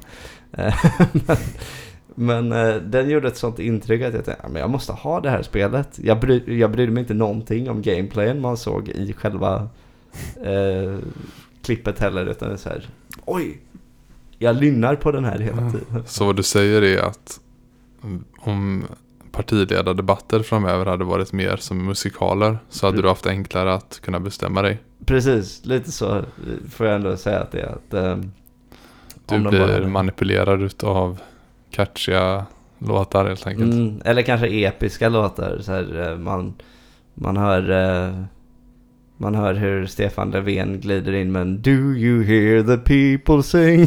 så, så ja, jag får nog tänka om här. Det, det Ja, blir ja. röst på... Ja. Mm, ja, om någon, eh, någon eh, riksdagsledamot hade ställt sig i talarstolen och sjungit som ICX Vortex, ICS Vortex, som Mm. är känd från Dimmy Borgir Mm, exempelvis, då hade jag, jag röstar på det här. Det är bra. Ja, exakt. Men, så att, eh, nej, vi, nu har vi eh, röjt vår svaghet här. Ja. Eh, men eh, ja, eh, ja du, jag har väl inte sett mycket mer så att säga från min sida. Mer, det var, ja, vi hade ändå kul när vi spelade det igår. Det var som du skrev i recensionen, lite skoj att köra battle ja, med vi två och två stycken AIs. Som var rätt bedrövliga. Men ändå roligt på något sätt. Jag tror Och- att det roligaste blir att köra mot varandra. För Mm. att, eh, ja. Och det får man ändå, eh, om man nu ändå ska vara lite rättvis mot spelet så, så var ju det faktiskt en, en bra grej eh, som jag, jag tog upp. Eh, nämligen att kunna spela mot AI-karaktärer eh, var inte alltid... Eh, det, var, det kändes som att det inte alltid var självklart i alla spel. Att man liksom kunde sätta på att ha med bottar. I Goldeneye till exempel så kunde man inte det. Eh, så det tror jag att man ändå uppskattade att ah, ja, jag sitter själv och kör. Jag vill inte spela äventyrsläget men det kan ändå vara kul och Mm, ja, precis. Eh, ja. Eh, som nu har jag nämnt det här med Smash och så vidare. Att jag gärna hade sett honom där. Men på något sätt. Hudson och Bumberman är ändå så här lite ikoniskt för sin tid och sådär. Och jag var intresserad av att veta vad som hände med dem sen. Så jag kollade lite på det. Och eh, Hudson var ju främst kända då för Bomberman. Men man hade ju även gjort Adventure Island och Bloody Roar och Bonk. Eh, Adventure Island är ju lite som Wonderboy. Om du, som ni säkert minns. Eh, man hade även utvecklat den här TurboGrafx 16. åt- Just det. 87 tillsammans med NEC. Eh, som inte fick något genomslag. Så det, det blev istället eh, Genesis eller Mega Drive då. Och Super Nintendo som blev 16-bits generationens konsoler. Mm, om jag inte helt missminner mig så kom Castlevania Rondo of Blood till TurboGrafx 16 och det var väl en av väldigt få så här stora titlar som ändå kom Mm. till den konsolen och inte till de andra. Okej, Eh, men senare så... ja, senare så det var, ju, det var ju bara den då men Mm. All right. Nej men anledningen till att jag kanske inte hörde så mycket av dem sen var ju då att de... Man kan säga att de lades ner 2012 för att de blev istället en, en del under Konami då. Okej. Och Mm. eh, som man hade samarbetat med Konami sedan 85 och legat i säljförhandlingar sedan 2001. Så det var väl så här bound to happen ungefär. Ja. Och eh, ja, det är massa konstiga historier kring det. Det var bland annat att bolagets huvudbank havererat och man hade be liksom behövt att öppna upp ägandeskapet för aktiemarknaden och då fanns Konami där. Så Ja. Eh, och, och dessutom så hade man en god relation då så att Konami sa liksom ja, men vi vill ändå att Hudson-märket så, liksom the trademark ska finnas kvar på de franchises eller IPs som man tidigare haft. Så the Ja, spirit det- lives on ungefär. Ja men det är ju ganska, det känns ju... Ja, nu kanske jag är lite fördomsfull men jag har åtminstone bott i landet. Men det Ja. känns som en sån där grej som tillåter en att eh, behålla lite, Heder. ja, Jo, det är japansk business culture ja, Eh, ja, nej men så då till exempel när man förra året 2017 utgav eh, Super Bomberman R. Så då, då kan man ju fortsätta kalla det ett Hudson-spel om man säger så. Då. Mm. Mm. Ett hum, humla-spel Ja, som man hade. jag spelade det lite grann eh, eh, faktiskt. Eh, en, Eh, någon hade det till Switch och eh, körde jag det. Men det, jag vet inte, det kändes ju rätt mycket som, det är hyfsat kul men det är ju det är samma spel som det varit i alla år på något sätt. Alltså den battle-moden. Ja. Eh, ja, så de tre personer som man kan lyfta fram ifrån utvecklingen här då utav Bomberman är dels directorn som heter Hitoshi Okuno som tidigare har gjort eh, Vertical Force och eh, Valkyria Chro- Chronicles och senare till Dreamcasten kom det här Space Channel 5 som ja, alla säkert såg men jag vet inte hur många det var som spelade det. Mm. Eh, inte jag i alla fall. Jag hade ju ingen Dreamcast och de kompisar som hade Dreamcast hade Sonic och Jet Set Radio och så vidare. Ja. Lite mer tilltalande spel kanske för, Ja, för unga killar. jo, det, Jet Set Radio såg ju rätt Ja. nice. Och sen även producenten Shinichi Nakamoto som har gjort Load Runner till Nintendo på Aha, det är det- 84. Det är ju Load Runner är ju det här klassiska när man blir jagad upp och ner för stegar och så Ja. vidare. Ja. Jag tycker de finns på Gameboy. Jag tycker de är lite roliga så. Ja, men jag, jag har inte kört dem själv direkt. Men någon av mina vänner körde det mycket tror jag. Och så såg jag när han spelade. Och såg rätt kul ut egentligen. Mm. Ja. Och sen slutligen Hidetoshi Endo som hör och häpna har jobbat sen på Mario Party-serien. Så Ja, just det. För det var Hudson som gjorde den ett tag väl?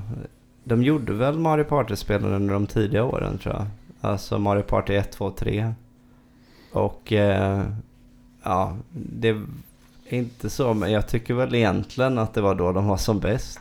Eh, mm. ja, ja, det där är inte jag så påläst om. Det kanske var så. Nej, eh, Mario Party-serien tycker jag egentligen... Jag hamnade lite i det här att jag blev trött på att det var för många dåliga minispel i varje nytt spel som kom. Alltså trean hade väldigt bra minispel överlag. Eh, medan då eh, jag ofta fick testa andra spel i serien och bara märkte att det här känns som en sämre version av de tidigare. Men egentligen är det ju en spelserie som jag är ganska... Det är sällan det passar bättre än där att säga att den är ganska mysig. Det är så här ett väldigt slappt upplägg. Liksom. Man går runt på ett bräde, det finns lite grejer som händer, man spelar ett litet minispel. Ja, upprepar en massa gånger och ja. De är rätt eh, ja, unika kanske att ta i men ja, ändå. Det är inte så mycket annat man kan spela som är så likt. Nej, verkligen inte. Uh, ja. Vi uh, gillar ju att prata om musik också. Och uh, givetvis fanns det en kompositör för Bomberman 64 med. Som heter Akifumi Tada. Och kanske inte så känd inom att ha gjort spelmusik utan kommer från anime-hållet då. Som har gjort musik till bland annat Final Fantasy Unlimited och Nightwalker. Eh, ja, jag vet ju vad Final Fantasy är. Och, Mm. Men jag är inget anime-fan så kan inte så mycket säga där. Och Nightwalker har jag ingen större koll på heller så. Eh, det skulle i sådana fall varit du, men ja. Nej, jag har inte heller koll på det. Jag kan väl säga att musiken kändes sådär som att vi spelade första världen lite igår och konstaterade att musiken där inte var någon, någon större hit. Eh, Nej, men det, var, det Men, finns eh, ändå 33 olika spår. Ja. Men det är ändå konstigt. Det är, det är ganska hög count eh, spår om man säger så för ett spel. Eh, och ändå så, så fort eh, title screen har körts så kommer man ut på menyer. Och det är knäpptyst på musik. Ja. Visst, det finns ljudfeedback om man eh, väljer fil eller men- menyval och sådär. mm. Men det är helt tyst annars. Det förbryllade ändå mig. Det var ovanligt på ett Nintendo-spel tyckte jag. Ja ja. men det var väl någonting man bara kände av liksom att det, det var väldigt mycket mm, fula ankungen bland spel vi provat hittills för att det har varit så tydligt att det vi annars har spelat har varit saker som antingen var AAA-spel eller åtminstone har haft backning från ett typiskt AAA-företag. Jag skulle väl kanske inte säga att egentligen Pilot Wing 64 var ett eh, jättehögt prioriterat spel annat än som lanseringsspel liksom. Ehm, men det hade ju ändå liksom backning från Nintendo på det sättet. Att Ja, det, och här kan man på något sätt säkert, om det hade fått en, eh, en touch av Miyamoto, det här spelet, så tror jag att saker hade verkligen... Det det är ett sånt typ exempel på när kanske en, en viss person har saknats eller någonting. Ja, för det, det är någonting som... Det finns vissa grejer som känns som att det skulle kunna bli någonting men det saknas alltid någonting. eh. Det kändes ganska ihåligt överhuvudtaget. När vi spelade så satt vi och snackade om att både rent alltså, grafikmässigt men även hur banornas level design var att det var så mycket döda ytor. Ja, Påminner om ett annat spel som däremot är lite bättre som heter Chameleon Twist som Ja. också kom ut på, Super, eller på Nintendo 64 ifrån något annat eh, mindre bolag, Sunsoft. Och vad var det, det var de som utgav, kommer du ihåg vad utvecklaren hette? Japan System Supply eller Ja. något sånt där märkligt. Ja. Supply Ja. System. Ja. Eh, Chameleon Twist, lite bättre spel men fortfarande så här. Man, man märker att eh, det, det är någon slags stor, om, om man pratar om spel och själ ungefär. Det känns Ja, lite det- själlöst. Precis. Det, det var verkligen det jag kände av liksom att så här, det, det, det kändes som skillnaden mellan att köpa en, en fake-vara och en, en äkta vara. Att, så här, jag kan inte sätta fingret på det för på ytan så är det här också bara ett, du vet, det här är ett tv-spel, det andra är ett tv-spel. Och de innehåller en del av, du vet, liknande komponenter. Men det här är bara inte bra liksom. Nej, men det är liksom både Bomberman, Chameleon Twist har eh, tydliga nischar på sin spelmekanik. Här har du superhjälten som har bomber för att ta sig framåt och, och lösa eh, plattformspussel med. Ja, Så good, då har du det. Chameleon Twist har kameleontens tunga som man kan göra eh, både använda som vapen och eh, redskap för att ta sig förbi hinder. mm. Men och, och med, även fast det är på plats så är det på något sätt ändå så här. Man, när man ska försöka sätta fingret på det så är det bara, det känns, eh, det känns inte färdigt. nej. Och eh, eh, det är väl just det här, det spelmomenten, de olika momenten är inte så väl ihopsydda som de skulle kunna vara. Nej, det är nog något sånt ja. Att det inte finns en självklar logik i hur allt flyter på i spelet. Men Men ja, Mm. för att återvända där till musiken, den ska ha go- godkänt ändå tycker jag. Så ja, den, den, den, den kanske, den är ingen toppenmusik. Egentligen hade jag tänkt att sitta och lyssna igenom soundtracket idag innan vi körde podden. Eftersom jag inte äger det. Det ska tilläggas att eh, jag införskaffade det här spelet för att du hade recenserat det i tidningen. mm. Under alla år har jag aldrig spelat spelet. Nej, Och jag har inte tittat på gameplay footage. Jag har sett kort, alltså bilder i tidningar. Jag, har inte, på... ja, jag har inte lyssnat på, på musiken heller. Så därför tänkte jag att jag skulle gjort en mer grov genomlyssning idag. Eh, eftersom vi, vi kände oss ganska färdiga efter att ha spelat några nivåer. Vi kände Mm. att det var samma sak som bara upprepades. Så vi körde lite battle och sen var vi ganska klara. För vi Eh, fastnade också på en bana ett tag för att jag, vi trodde att vi hade testat att kasta bomber överallt men det hade vi inte och då kom vi vidare på den. Men det gjorde att vi hörde musiken på den banan loopa väldigt länge. mm. Eh, Och den, dö, den dök ju upp ganska ofta den musiken också. Ja, och den var ju ändå, jag menar det tog ett tag innan jag började tycka den var tjatig. Den var ändå hyfsat. så här, Ja, ja visst, den gick ju definitivt att mala om och om igen. Mm. Eh, så sett. Så jag, jag ska ändå, innan jag stänger det här kapitlet personligen, visst jag kan tänka mig att spela det här spelet igen om jag inte har något bättre för mig. Men det känns som att det finns en del annat prioriterat innan dess. Men innan jag stänger så ska jag, ska se om jag kan få tag på soundtracket. Alltså, någon har ju lagt upp det på YouTube tänker jag. Mm. Bara sitta och lyssna igenom det, se om det fanns något. Ah, det här var ändå bra. Eller Mm. någonting. Det, En, och då kan jag avsluta med att säga att ehm, nu, nu sa jag det här med att det som var härmat Mario var att man skulle samla på grejer. Eh, men eh, Superplay nämnde någonting om att det hade härmat Mario 64 på sina ställen. Jag såg någon annan recension som pratade om att det, du vet, It's no Mario 64. Och man märker att många verkar ha haft den här grejen som vi har hållit på med i tidningen. Att man Mm. tvunget ska jämföra spel som inte egentligen har någonting med varandra att göra. Jag menar, hur är de här lika någonstans? Ja, alltså enda slutsatsen jag kan dra ut av det där är egentligen vilket avtryck Mario 64 har gjort.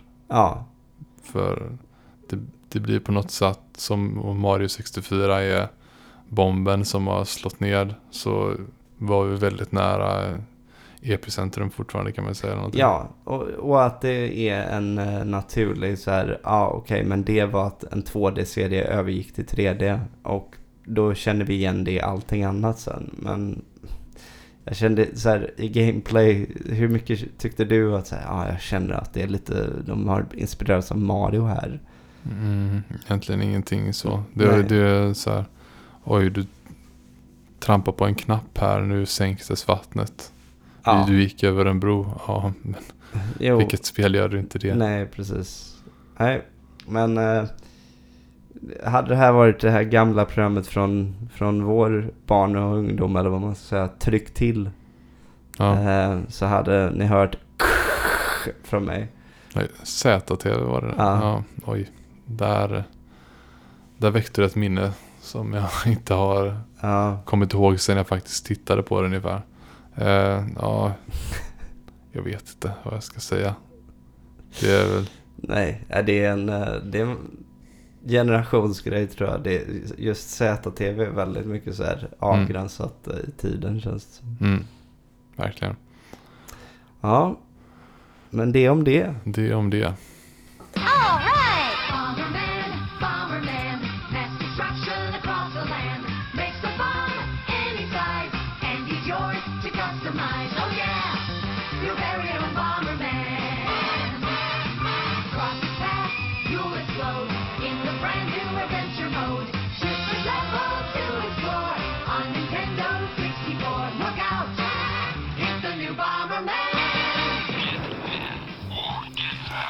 Jag kommer att tänka på en grej eh, från försnacket som jag glömde att fråga dig. När vi snackade om Smash. Eh, jag var för taggad på att gå vidare på Blizzcon antar jag. Men eh, de här figurerna som avslöjades nu. Då blev det ju ingen Minecraft eller? Nej, eh, i, i den uppsättning karaktärer som finns när spelet släpps så kommer jag slippa Minecraft och tack och lov för det. Eh, det enda som är lite läskigt är det här att om jag nu köper spelet så är det så att man får möjligheten att köpa fem nedladdningsbara karaktärer plus tillhörande bana och musik eh, för 25 dollar eller någonting var det. Eh, jämfört med, ja, köper man det efterhand så skulle det väl kosta 30 dollar. Så att det är ju en väldigt liten grej. Det är enklare nästan bara att tänka att ja, man köper dem efterhand och, och då kan man dessutom skippa någon karaktär om man inte tycker den är intressant. Men jag tänkte ju trots allt på om jag skulle köpa det paketet och få allt samtidigt. Men tänk om Steve är en av dem då. Och då kanske jag blir tvungen att få honom. Särskilt om det då också visar sig att jag vill ha banan och musiken eftersom musiken är det enda försonande draget med Minecraft. Har du Ja. hört något av den? Jag måste lyssna på det mer fokuserat. Jag har lyssnat på Sweden, finns det Ja, något precis. ja. Det, det är den Ja. jag tycker mest om. Jag måste lyssna på det här verkligen fokuserat någon gång i och med att eh, vi har ju nämnt eh, här Anthony Fontana Mm. som eh, kör, han har sin egen kanal och så kör han Needle Drop och så vidare. Han hade That is the plan och, och så vidare. I alla fall han kör en grej som heter Let's Argue Okej. på sin kanal. Där han bara tar upp ett ämne. Någon har postat en, något den vill argumentera för på Twitter och så tar han upp det. Mm. Och så, stä- så svarar han helt enkelt. Och då var det någon som skrev att eh, Minecrafts eh, musik är bättre än någon annan modern spelmusik.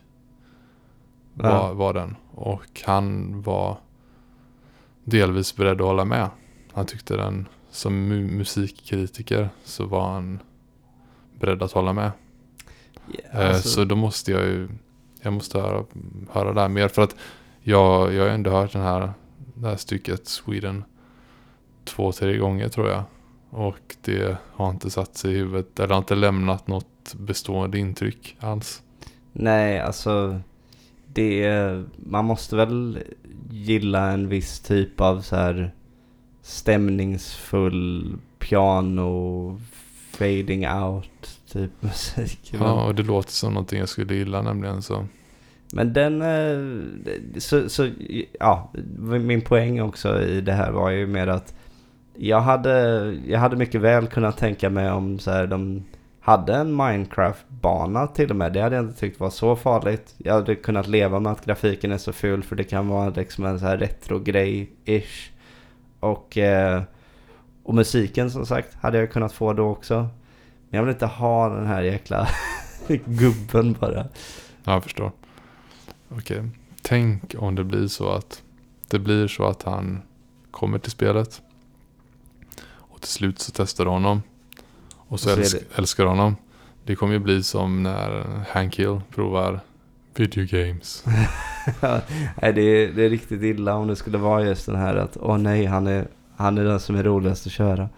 Men eh, nej, en, då kan jag också säga om Smash där att en grej som är lite synd med att Nintendo fattar beslutet är att inte för att jag trodde att det fanns någon riktig chans ändå men, men Advance Wars kommer ju inte få någon karaktär nu. Det finns liksom inga, ingen försäljning för dem att hämta på det och, och eh, ja, istället kommer väl Fire Emblem få sin åttonde, nionde karaktär eller. Ja. Mm, Så det skulle inte finnas någon ny marknad för Advance Wars på eh, Switch. Alltså jag tycker ju att det är helt givet att det ska komma ett till Switch egentligen. Jag förstår inte, det hade väl varit eh, en perfekt konsol för det. Eh, du, det, hade... Ja, men det är ju det här att Fire Emblem tänker de nog gör ungefär samma sak, utvecklas av ungefär samma personer och säljer bättre. Så att det har kannibaliserat Advance Wars. Det, Tråkigt och eh, nej, det är synd. Så jag vet inte vem jag hoppas på allra mest av alla spelfigurer nu. Banjo Kazooie hade faktiskt varit rätt kul, det får jag ju säga. Och det hade ju varit guld sett till vilken musik man fått. Så att, Ja, väldigt konstigt att, eh, att de inte är med än. mm, det, är väl, det är väl Microsoft-grejen att det kanske har varit svårt att Ja, ja. till det. Men kan hålla tummarna, det vore coolt. ja, så det var det avsnittet. Ehm, nästa avsnitt så, så är det återigen topplistor. Återkommer ju alltid. Och då är vi inne som vi tidigare nämnde på silver. Och så har vi en till recension att gå igenom. Och vi gillar ju att teasa numera inför kommande avsnitt. Och eh, om jag ska hitta på en teaser den här gången så är det någon, det här spelet ska man säga, huvudelementet både miljömässigt och vad det är som finns i den, de här miljöerna var mitt absolut största intresse som väldigt liten till ganska högt upp i åldrarna ändå. Hyfsat. Eh, och hela anledningen till varför jag blev så himla taggad på att få spela spelet och recensera det och så vidare. Det var verkligen en, eh, ett ämne jag brann för. Ja. Ja, då får vi, eh, får vi eh, hålla andan och se vad det blir helt enkelt. Ja. Eller ja, är det så man säger? Ah, ja, hur som Ja. helst. Eh, ja, tack för den här gången då. Ja. Så eh, hörs Tack. vi till, eh, vi hörs nästa gång helt enkelt. Ja, det gör vi. Ha det bra. Ha det bra.